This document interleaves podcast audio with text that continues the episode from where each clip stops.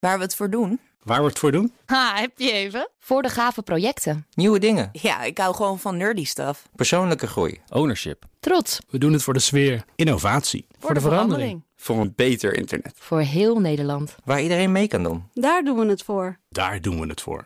Waar doe jij het voor?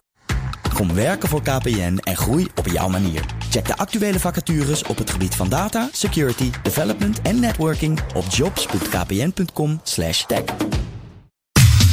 Wetenschap vandaag.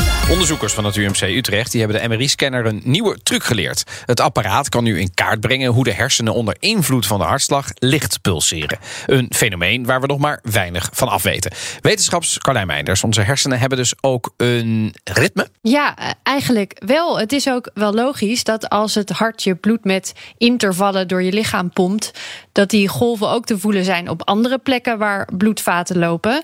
Dat geldt dus ook voor het hersenweefsel. En de beweging lijkt een klein beetje op een uh, elastiekje dat je oprekt. Uh, Doe je dat, dan gaan twee kanten van elkaar af en twee kanten juist naar elkaar toe. De ene richting zet uit, de andere krimpt in. En dat is ook wat er met het hersenweefsel gebeurt. Al zijn die bewegingen wel echt minimaal. En waarom wilden ze hier eigenlijk meer over weten? Er zijn uh, nog een heleboel dingen die we niet weten over ons hersenen. Uh, bijvoorbeeld in het geval van Alzheimer, wat er dan precies gebeurt en wat nou in gang wordt gezet door wat. Uh, maar zelfs in de gezonde hersenen zijn er nog dingen die onderzoekers nog niet goed hebben kunnen bestuderen zoals de allerkleinste vaten in de hersenen, vertelt natuurkundige en promovendus Jacob Jan Sloot. Die hele kleine vaten die kunnen we nog niet heel goed direct meten. Zelfs met de hoogste resolutie aan scans kunnen we die kleine vaten eigenlijk nog niet zien.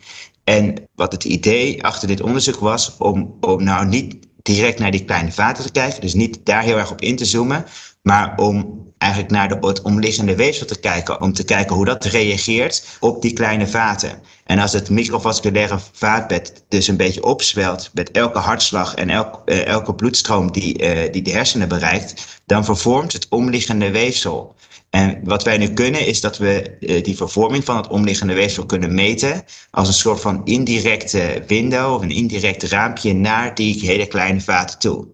Tja, ik probeer het even voor me te zien, die vervorming van dat indirecte weefsel. Dat bekijken ze dus met een MRI-scanner. Ja, nou is het zo dat in studies naar hersenactiviteit die hartslag juist standaard uit de data wordt gefilterd, omdat het een beetje wordt beschouwd als een soort ruis. In dit geval ging het ze juist daarom om dus indirect meer te weten te komen over die bloedvaten. Uh, en ook heeft dat kloppen van de hersenen hoogstwaarschijnlijk een belangrijke functie, bijvoorbeeld voor het afvoeren van afvalstoffen.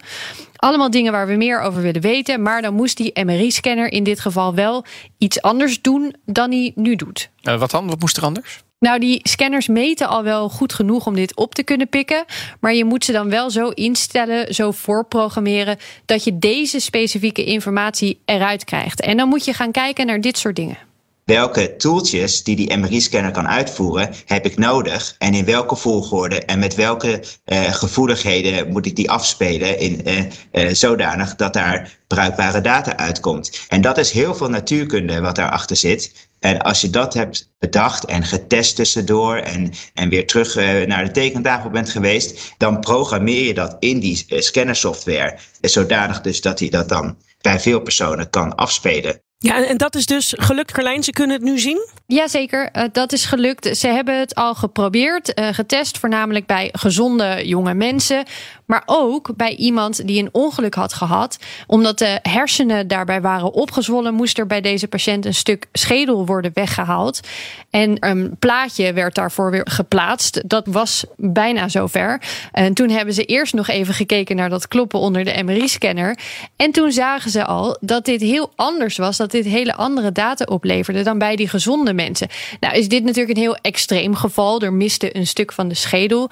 Maar je kan dus ook gaan kijken hoe anders is dit bij mensen met vasculaire problemen. En als dat dan anders is, dan kun je een hele interessante vraag stellen.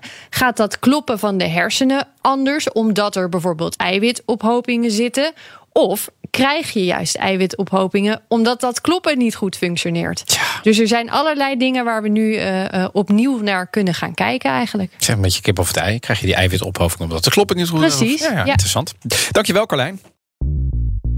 Bij BNR ben je altijd als eerste op de hoogte van het laatste nieuws. Luister dagelijks live via internet. Bas van Werven. En heel langzaam komt de zon op rond dit tijdstip. Je krijgt inzicht in de dag die komt op BNR, het Binnenhof in Nederland en de rest van de wereld. De Ochtendspits. Voor de beste start van je werkdag. Blijf scherp en mis niets.